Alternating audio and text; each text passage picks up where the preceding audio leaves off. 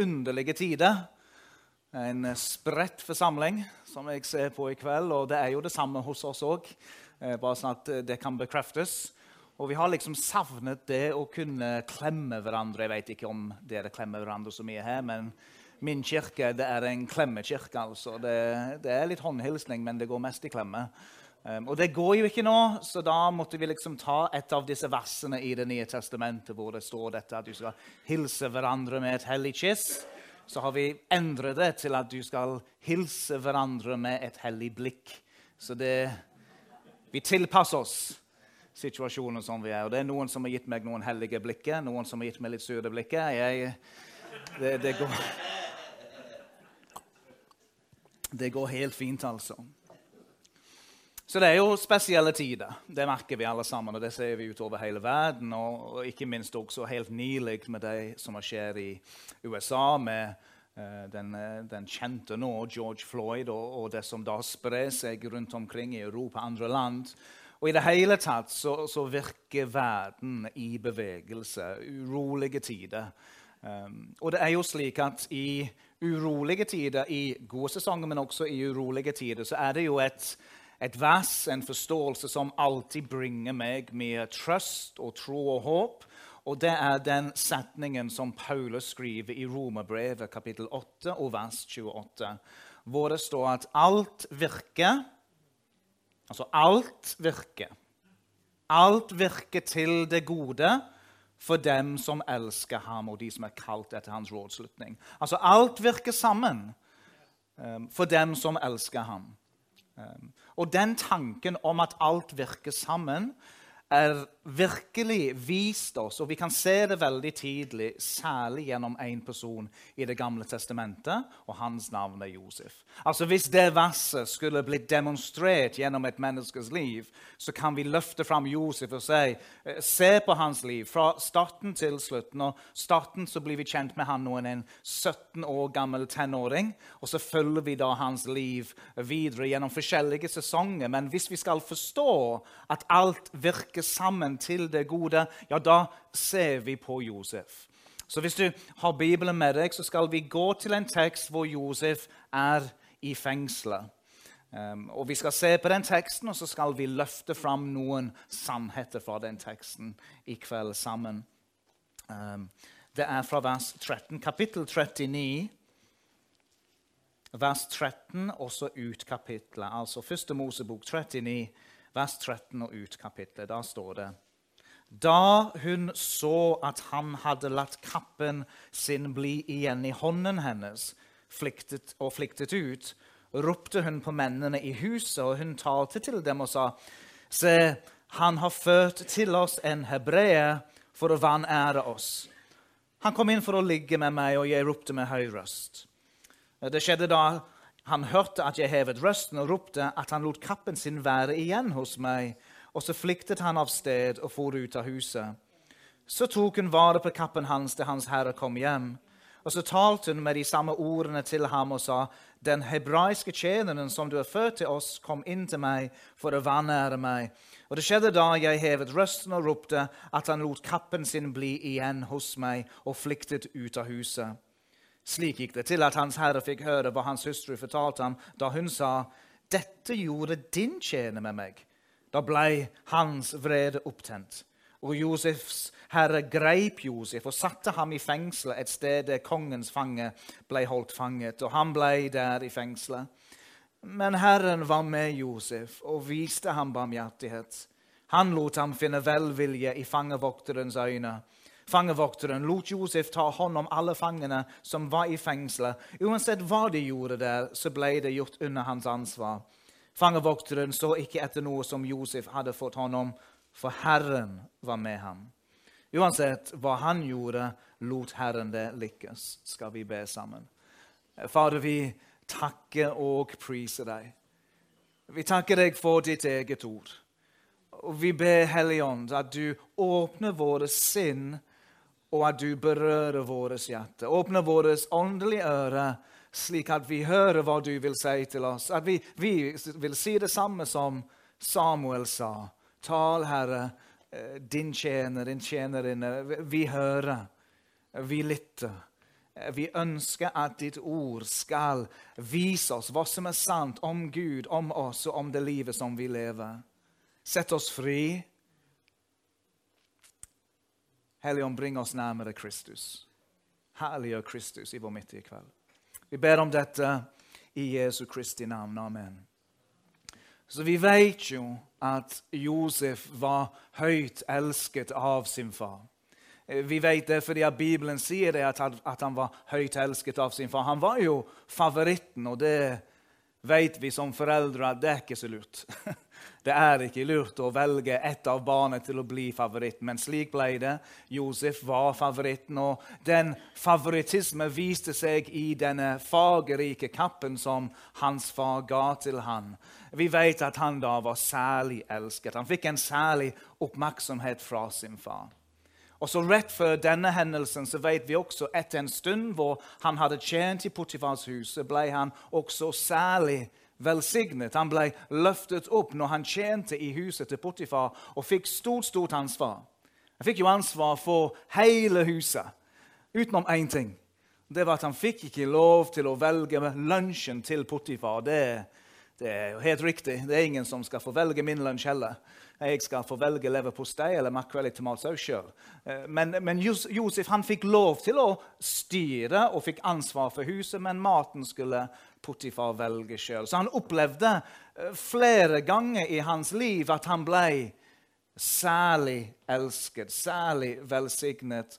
Eh, så vet vi også at han opplevde dette, at han ble også særlig straffet avvist av sine egne brødre, anklaget av sine egne brødre, kastet i en brønn, etterlot for å dø, solgt som en slave og endte opp som en fremmed person i et fremmed land som talte et fremmed språk.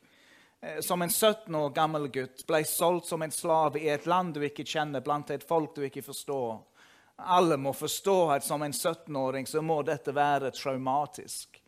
Og på tross av at det var traumatisk, så tjente han og gjorde det han kunne i Potifar sitt hus med beste evne, og Herren var med ham. Altså at det kunne ses på hvordan han levde, at Herren var med ham. Så ble han da rykket opp, og du kan jo nesten tenke at nå går det vel fint med Josef, og så plutselig så blir livet hans truffet av turbulensen i luften. Plutselig så kommer det en tornado imot hans liv, og han er igjen falsk anklaget. Og så vet vi da ut fra det vi har lest her, at han ble sendt til kongens fengsel. Nå, jeg har vært i norsk fengsel. Jeg har ikke sonetid, men jeg har vært inne i norske fengsler, og de er jo koselige. Altså, Jeg forstår det at det å miste friheten er ikke fint. At det er et tap, selvfølgelig, å miste frihet. Men du får et fint rom og et TV på rommet og flotte fasiliteter. Og Jeg sier det slik fordi at jeg har vært i Ukraina og i India og besøkt fengslene der. Jeg har reist med Halvard Hasseløy flere ganger til Ukraina. Nylig så var vi der og besøkte en fengsel. Og når vi kom inn i denne ukrainske fengsel, så kunne du bare kikke til høyre. Og da var det flere bur med ulv på innsiden. Eh, da skjønte du at her er det ikke bygd for at du skal kjenne at dette er koselig. Her er ikke meningen at du skal oppleve omsorg, nærhet og kjærlighet. Og slik var det heller ikke med fengselet som Josef skulle sitte i. Det var ikke slik at fengsel var på en måte en, en hotell, men at du mistet frihet. Nei, salmisten gir oss et lite bilde på hvordan fengselet var som Josef eh, kom inn i. Og Det står i Salme 105, vers 17. Der står det Han, altså Gud, sendte en mann foran dem, Josef, som ble solgt som slave. De mishandlet hans føtter med lenker, og han selv ble lagt i jern. Um, og det stemmer. Også når du leser om fengselet fra den tiden, så var det slik at en lenke skulle plasseres rundt halsen og knyttes opp mot taket. Også føttene skulle lenkes. Altså at friheten skulle tas vekk, og det skulle kjennes at dette var smertelig. Du skulle bli påført tap, du skulle bli påført smerte, og det skulle merkes. Og det er det bildet som Josef plutselig er i. Plutselig fra å være i øvre etasje med frihet og ansvar, nå er han på et mørkt sted. Friheten er borte, og smerte er påført. Så tenkte jeg da at vi kunne si litt om disse menneskene som vi møter i denne teksten. Vi kan si litt om hver enkelt og hva de kan si til oss alle sammen i kveld. Jeg skal begynne med kanskje den verste. Hun er nok den verste, altså. Um, og det er litt synd, da. Det er jo ikke slik at vi skal ta kvinnene spesielt her, men vi er ikke i Ester eller Ruth, så det, dessverre så er det Potifar sin kone som vi skal si litt om nå. Men det var nok slik at hvis Se og Hør hadde eksistert Eh, på den tiden i Egypt Du vet, eh, det er vel ingen her som abonnerer på Se og Hør. Om, om du gjør det, så kan vi snakkes etterpå. Men så Se og Hør da har de litt sånn eh, nyhetsstoff om kjendiser og stjerner og musikkfolk og det siste sladder, liksom, på en måte. Sant? Om det var et slikt blad i Egypt på den tiden, så hadde vi nok møtt Potifar sin kone flere ganger på framsiden i det bladet. Hun hadde stått der fordi hun var en slik type i den kulturen. Ofte også i slike blader eller viser så kan du av og til få de ti best kledde menn i 2020. De ti best kledde kvinner i 2020. Hadde de hatt en sånn jeg vet ikke, den, De ti minst kledde kvinner kanskje hun hadde hoppet på toppeplassen der. Altså, det, det tror jeg. altså. Jeg tror det. Altså, hun var en slik kvinne som om du var på senteret på Nærbø Har dere en senter her? Nei, hva er det vi sagt om? Nei, vi, du, du, har ikke det, Magnus. Du tror det er et senter, men det er ikke det. Du har nå bodd her så lenge at det begynner å prege ditt verdensbilde. Men et senter det har de på Breen i alle fall. Og i alle fall Kvadraten. Men dette her er ikke et senter. Jeg er glad i Nærbø, men vi må snakke sant og ærlig om det som vi ser, og det som er livet. Men om du hadde sett henne om du hadde sett henne på senteret, så hadde du tenkt her er det en kvinne som har lykkes. Du hadde, tenkt, du hadde sett på henne og du sett klærne som hun hadde på, væske som hun tok med seg. Kanskje du så når hun kom, og, og bilen som hun kjørte med. Du så Potifar sitte der også. Bare du så henne, så hadde du tenkt wow det er litt av en kvinne. Altså, når du så rundt hennes liv og du så alt på utsiden av henne, så ville du tenkt at du har lykkes med livet. Og på mange måter så er det også slik vi definerer suksess i Norge i dag.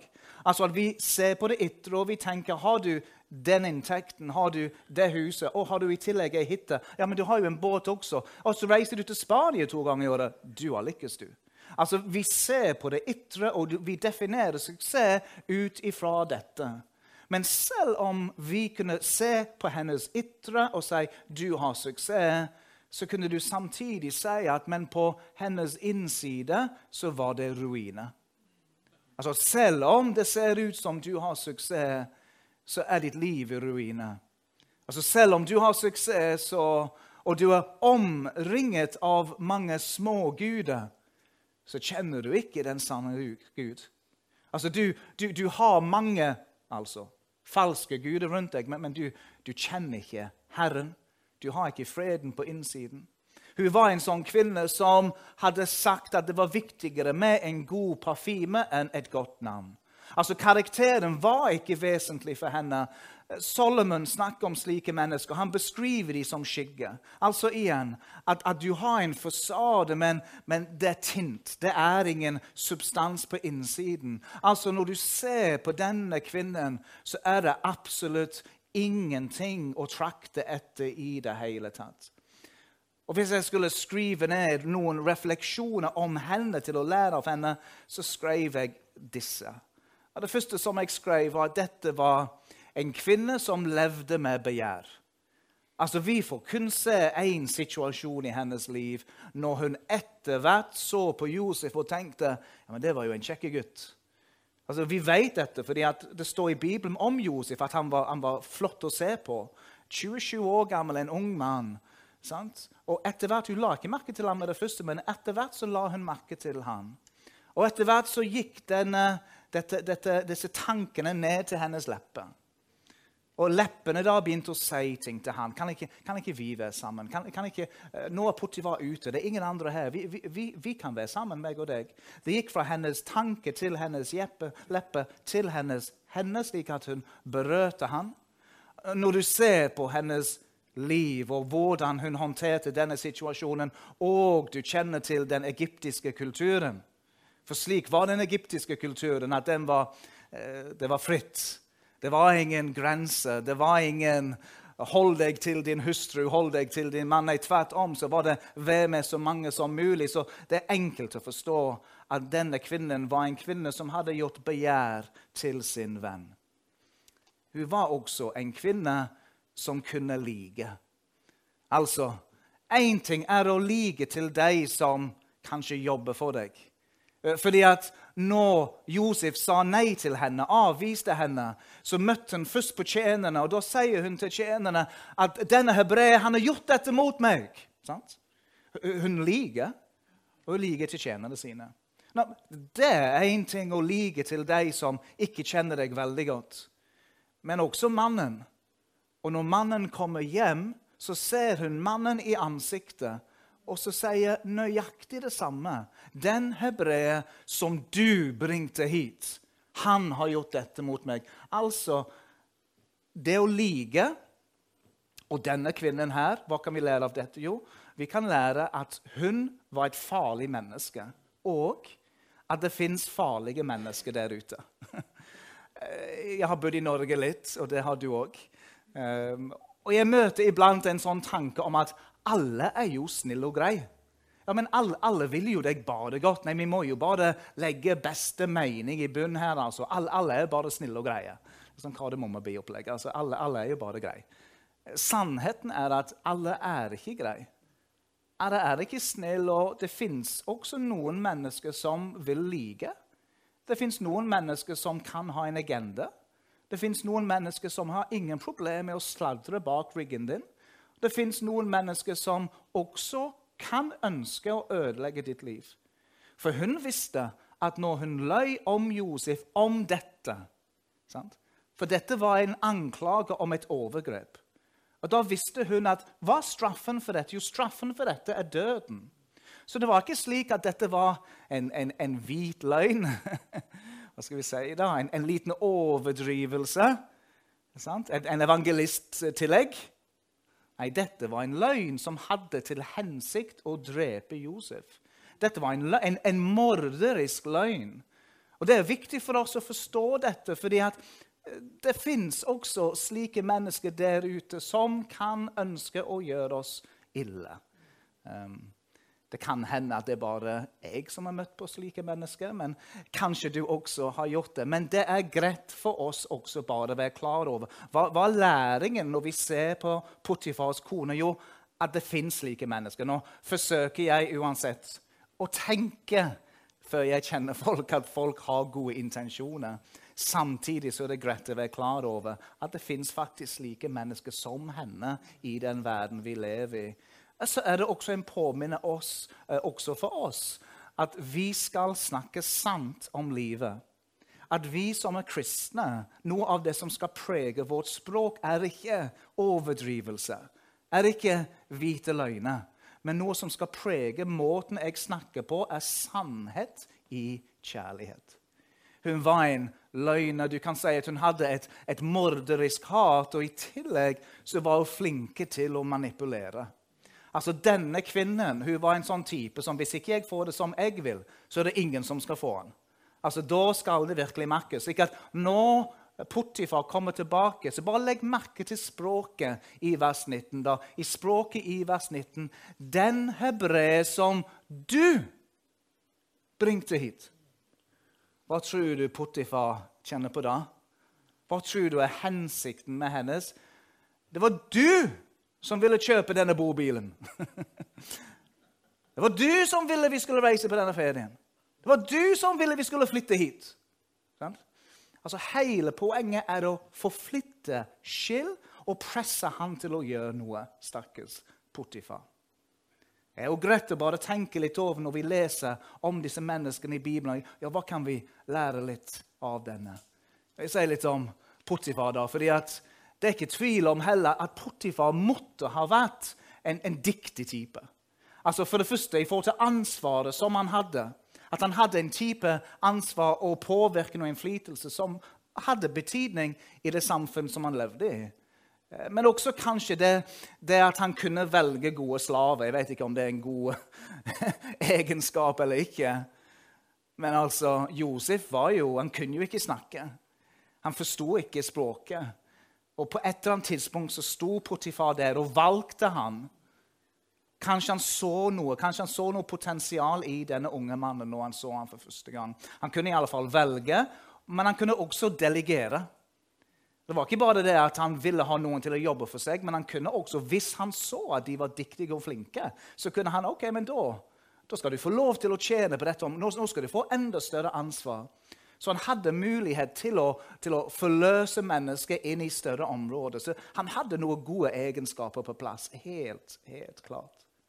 Så kommer han inn i denne situasjonen. Han kommer hjem, og hans kone er der. Og hans kone kommer til han og sier at Josef, han som du bringte hit, han har forgrepet seg på meg. Når jeg er òg gift, jeg har en kone. Og, og, vi leser i teksten at hans, hans vrede ble opptent. Og, og, da kan jeg vel tenke at de fleste menn kan løfte hånda og si at jo, men hvis, jeg, hvis, min kone kom og sa dette til meg, ja, min vrede hadde blitt opptent også. Jeg hadde også kjent på sinnet og hva, jeg, jeg, skal straffe den mannen her. Jeg skal gjøre noe med dette. Vi forstår forferdelig godt den reaksjonen som han har. Samtidig som vi forstår hans følelse, så skulle det kanskje vært noen tanker som gikk på den, den, den, Josef som jeg har sett nå over lengre tid hos meg, den Josef som har tjent, den Josef som har arbeidet, den Josef som Han gjør ikke dette, han. Kanskje han burde ha tenkt litt over hvem Josef var. Altså, la, la tvilen komme han kanskje til gode. Det er en liten bit. Men også kanskje åstedet. Altså denne unge hebreer som er sterk, som er ung, hvorfor i all verden, hvis du har gjort en slik handling, vil du la kappen din ligge der? Altså det er klart at han, Hvis han ville skjule han hadde gjort noe, så tar du jammen kappen din med deg. Du lar han ikke ligge der. Det, det, er noen ting som burde fått bjellene til å ringe, men det gjør de jo ikke. Han er rasende sint, og han tar et feil valg på den måten. Hør nå. Sinnet vil alltid stjele fra deg din dømmekraft og din fornuft. Den vil stjele fra deg din visdom. Sinnet vil alltid stjele noe fra deg. Det er greit å bare registrere det og si noe om det. Altså, Han lot sinnet prege den beslutningen som han tok, og den var ikke en riktig beslutning.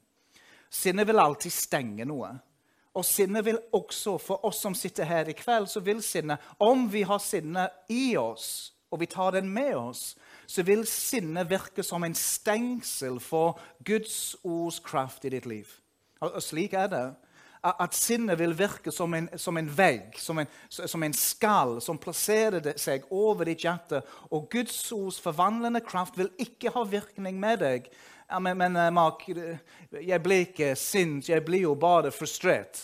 Um, du kan kalle det hva du vil, min venn. Du kan kalle det sint eller frustrert. Det er det samme greia.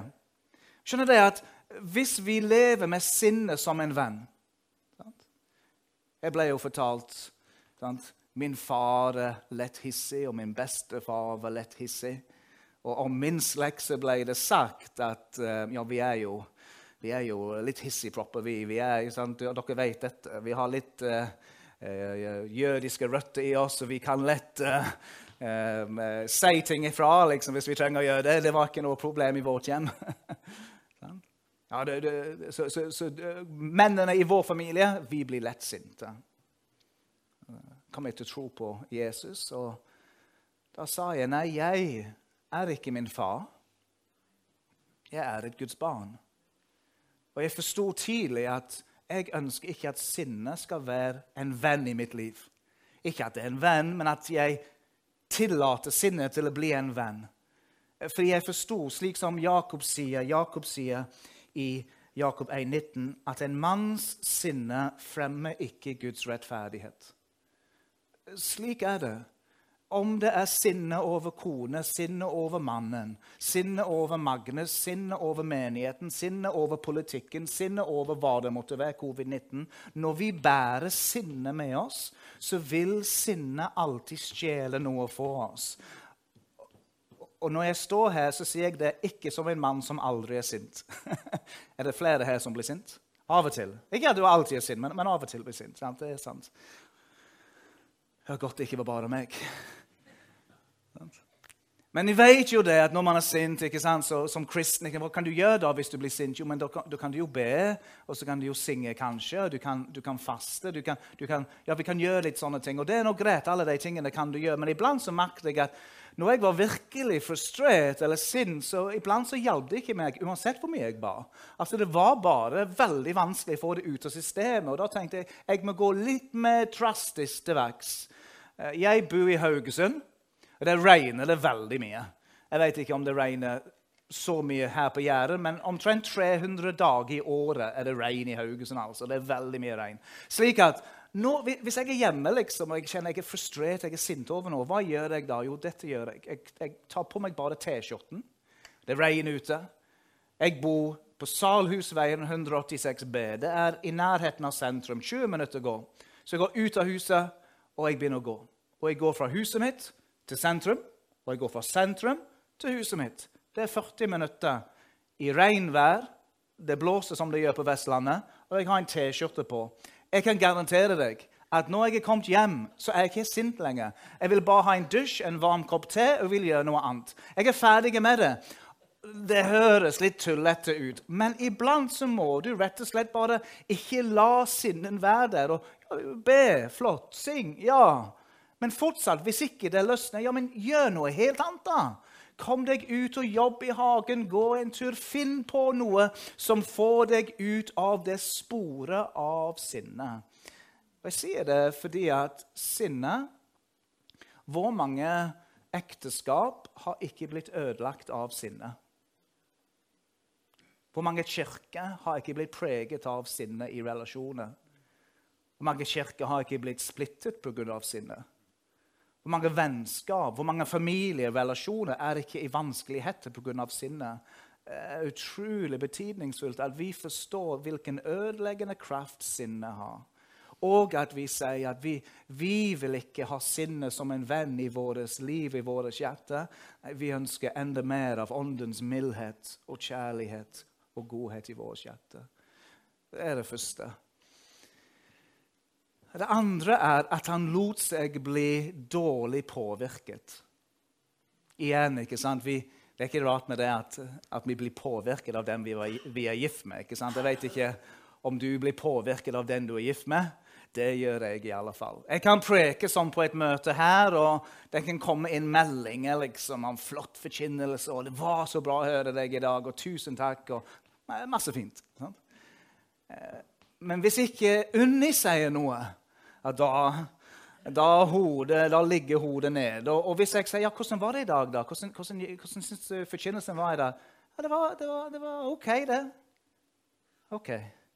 OK, ja. ja. Har du noe mer å si, kanskje? Hva hun sier, det betyr enormt mye for meg. Det som gleder henne. Å, oh, hvis jeg kan gjøre noe som gleder henne, det er fantastisk.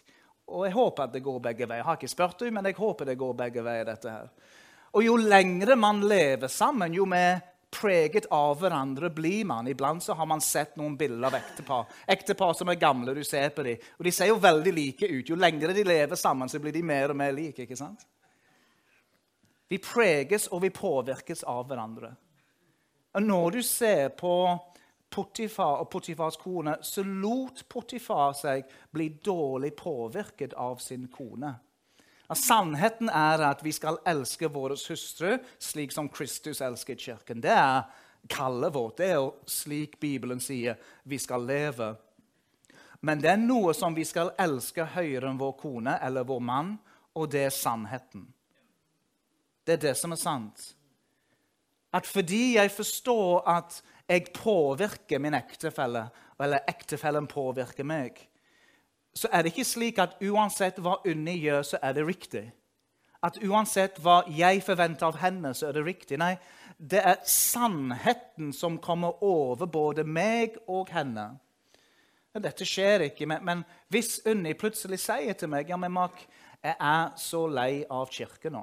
Jeg tror, jeg tror vi bare dropper gudstjeneste. Vi har ei hytte. Det er mye kjekkere å være på hytte. Det er veldig cool. Vi kan følge online gudstjeneste hver helg. Jeg, tror, jeg, er så lei av den pastoren som har denne engelske dialekten hele tida. Orker ikke mer. Vi dropper det. Vi går på hytte. Det er sånn det blir. Sant? Ja, det er litt, litt dramatisert, dette her. Men dette har jeg hørt. Dette er sånne valg som mennesker tar. Nei, nei vi, vi, vi, vi, slutter med å gi, vi, fordi vi har lyst til å Og så kommer det ene og det andre. Sånn.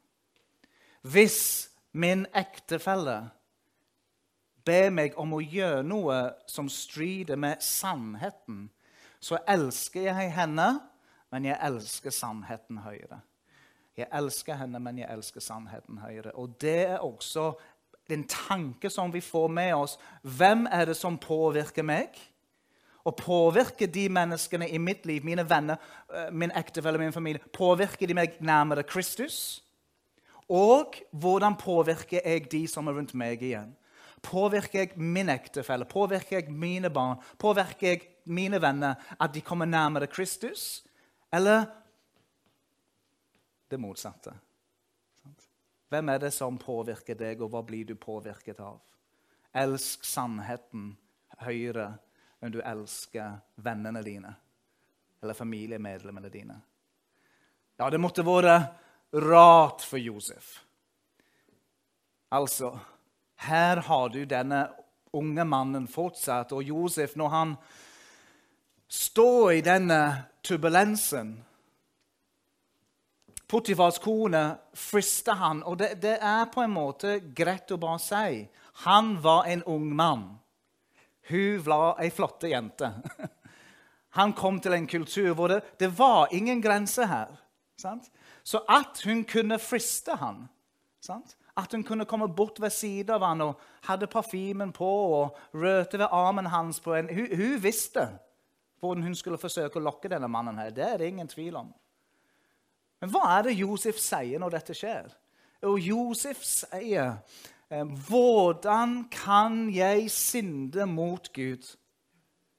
Altså ikke Jeg tror ikke vi kan gjøre dette fordi at mannen din kommer snart hjem. Jeg, nei, nei, nei. nei. Hva, hva, kan skje med meg? Hvis, jeg har jo veldig lyst, men hva, hva skjer med meg hvis, hvis, dette skjer? Nei, hva er første reaksjonen til Josef? Hva, hva er ryggradsreaksjonen hans? Jo, det er 'hvordan kan jeg synde mot Gud'? Altså, Josef levde et liv som var oppovervendt. Hverdagen og festdagen. Eh, palasset og i fengselet. Eh, Josef var ingen kameleon. Josef var den samme om du møtte ham på arbeidsplassen eller om du møtte ham i kirke. Du møtte samme mannen uansett hvor du møtte ham, fordi han hadde avgjort i sitt hjerte et eller annet tidspunkt fordi at når vi møter på slike fristelser i livet, så kan jeg love deg én ting. At når fristelse kommer mot deg, så vil du ikke klare å stå imot hvis ikke du har bestemt deg i det hemmelige rommet før du kommer dit. Eh, hvis ikke du har bestemt deg når du er alene med Herren, hvis ikke du har bestemt deg når du har lukket din dør Tror du at Josef hadde hørt om Egypt når han endelig skjønte hvor han var henne? Tror du at han forsto den kulturen som han levde i etter hvert? Det er ingen tvil om. Sant? Han kunne jo ha tenkt ja, men far min er jo ikke her. Brødrene mine, Det er ingen som kjenner meg her. Jeg kan jo gjøre akkurat det jeg vil. Ingen vil få vite noen ting. Jeg har en ny identitet. Jeg kan jo bare nyte denne nye kulturen som jeg er kommet til. Det gjør ikke Josef. Josef kjenner Israels Gud. Og Josef bestemmer seg på et eller annet tidspunkt i hans liv at jeg skal leve for Herren. Jeg bestemmer meg herfra om den personen gjør det, eller om den fristelsen kommer mot min vei, så skal jeg gå på den smale veien. Jeg skal ikke gå på den brede veien. Jeg vet, jeg forstår at livet og kraften og freden og gleden det fins på den smale veien. Og det var der Josef hadde plantet sine føtter, og han hadde bestemt seg for å leve. Amen. Det er ingen tvil om at kanskje han tenkte ja, hvis det er dette jeg får for å være lidig mot Gud Tanken kunne ha slått han. Nå skjer det igjen. Alt var så rolig, og det var tydelig at Herren var med. Nå er jeg i fengsel. Det er dette jeg får for å si nei. Ja, kanskje jeg skal neste gang. Men om de tankene slo han, så tror jeg at de var veldig kortvarige.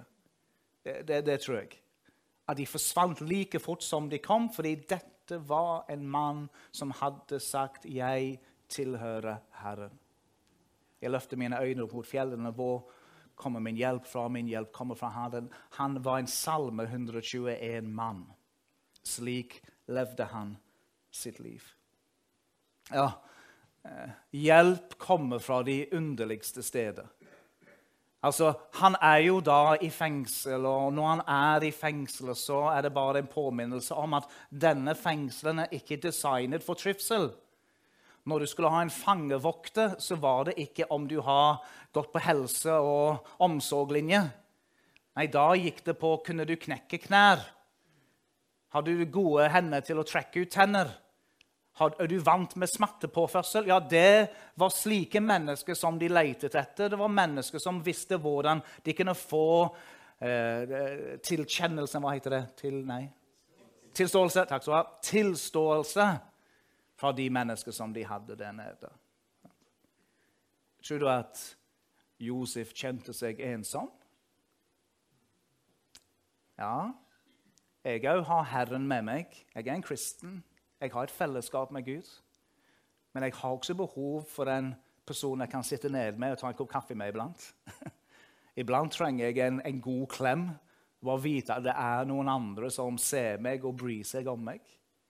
Det er ikke tvil om når jeg tenker på Josef akkurat nå, i dette mørke bildet som han står i, at han kunne kjenne seg ensom. Vi vet jo også at ensomhet er et, en stor utfordring i vårt eget land at det er egentlig mange mennesker i Norge som kjenner på ensomhet. Det er mange kristne som kjenner på ensomhet. Du kan til og med være i en familie og ha mange familiemedlemmer, men du kan fortsatt kjenne deg ensom. Et savn etter nært fellesskap. Det har Gud omsorg for. Gud bryr seg om det når vi har slike erfaringer og opplevelser. Jeg husker når jeg flyttet til Haugesund. Eh, da var min yngste sønn han var ni år gammel. Um, og vi flyttet fra bygd, fiska strand på Sunnmøre til Haugesund sentrum. Fra en liten bygdeskole til byens største barneskole. Og Jeg fulgte han på den første dagen når vi kom til gårdsplassen på skolen. Og jeg så alle barna som kjente hverandre og sparket ball til hverandre og lekte. Og Samuel han holdt min hånd. Og Jeg så jo da ned på han, og hele ansiktet hans var hvitt. Han var han var litt redd. Han var usikker. Når jeg så hans ansikt, så kjente jeg jeg ble, pappahjertet ble fullstendig knust. Og Jeg ga henne en skikkelig god klem, og jeg ba til Gud da, Gud, må du gi ham noen venner. Må du, må du la dette gå bra. Gi ham noen venner, Gud. Ja, det gikk ikke med det første, men etter hvert så har han fått veldig gode venner. Og Sånn, sånn en Gud har vi. Vi har en Gud som ikke bare bryr seg om våre åndelige behov, men en Gud som også bryr oss om at vi har noen som er nær oss og gir oss venner. Og her gir Josef, Gud gir Josef en venn fra en helt uventet sted. Altså at fangevokteren som er satt der for å skade, påføre smerte til Josef, nå blir han vennen til Josef vi får ikke alle detaljer, men det er noe som skjer her. Hvor Josef som har lenke rundt halsen og nakken. Vi vet ikke hva som skjer her, men, men plutselig så får Josef velvilje hos fangevokteren. Fangevokteren, Og her må det være samtale, her må det være tillit, her må det være noe som skjer. Og plutselig så får Josef noe av ansvaret for fengselet. Altså at Gud kan gi deg venner fra uventede steder. Gud kan vende konges hjerte. Sant? Og Det er sant i forhold til det å gi deg en venn, men det er også sant i forhold til de mennesker som vi ber for. De barn og barnebarn og, og venner som du har. Gud kan vende et hjerte. Ja, Det er en utrolig liten bit i den historien som er sterkt å se på. Og så er det nøkkelen, da, altså løsningen på det hele. Hva var det som gjorde at Josef kunne leve slik gjennom alle disse forskjellige sesonger? Disse forskjellige deler av både å bli løftet opp, men også å bli avvist. Hvordan kan du komme gjennom slike alvorlige anklager, trussel på liv? Ja, da har vi løsningen i vers 21. Det er noen få ord, men det er noen nydelige ord. Men Herren var med Josef og viste ham barmhjertighet. Og han lot ham finne velvilje i fangevokterens øyne. Men Herren var med Josef. Eh, Fins det nydeligere ord? Men Herren var med Mak. Men Herren var med Magnus. Jeg har en, en gravsted 150 eh, meter fra mitt hus som jeg ofte Jeg har jo begravelse der, men jeg ofte går gjennom på en liten tur. Og Jeg har jo tenkt at kanskje en dag så vil jeg være i det gravstedet. Og man har jo da en gravstein, og jeg har jo tenkt mange ganger hva skal stå på min gravstein? Og Navnet selvfølgelig, og datoen 1973 til et eller annet. Men det hadde også vært nydelig hvis det sto og Herren var med ham. At det kunne merkes og ses. Herrens hånd over mitt liv. At det var noe annet over meg som kanskje var litt vanskelig for noen å forstå hva det var. Men vi som tror, vi forstår hva det er. At det er Herren som er med. Det er noe av det samme som Paulus snakker om når han lener seg inn til Kristus. Og dette med at Herren er med Og hør nå, dette skal du uansett ta med deg. Sannheten er at det er virkeligheten for hver person som er her i kveld som tror på Jesus Kristus. Sannheten om ditt liv er ikke at du er alene, men at Herren er med deg. Han er nær deg. Han er bak deg, han er foran deg. Han er over deg, han er under deg. Han er i deg. Han bærer deg i sin egen hånd. Herren går foran deg og åpner dører for deg, og han stenger de dører som skal stenges. Du er i Kristus Jesus, og all åndens velsignelse i ham er gitt til deg. Herren er med deg. Ja. Det er ingenting som er søtere, det er ingenting som er mer vidunderlig enn å vite akkurat dette at Herren er med deg. Gud velsigne deg. Da gir jeg ordet tilbake til deg, Magnus. Amen.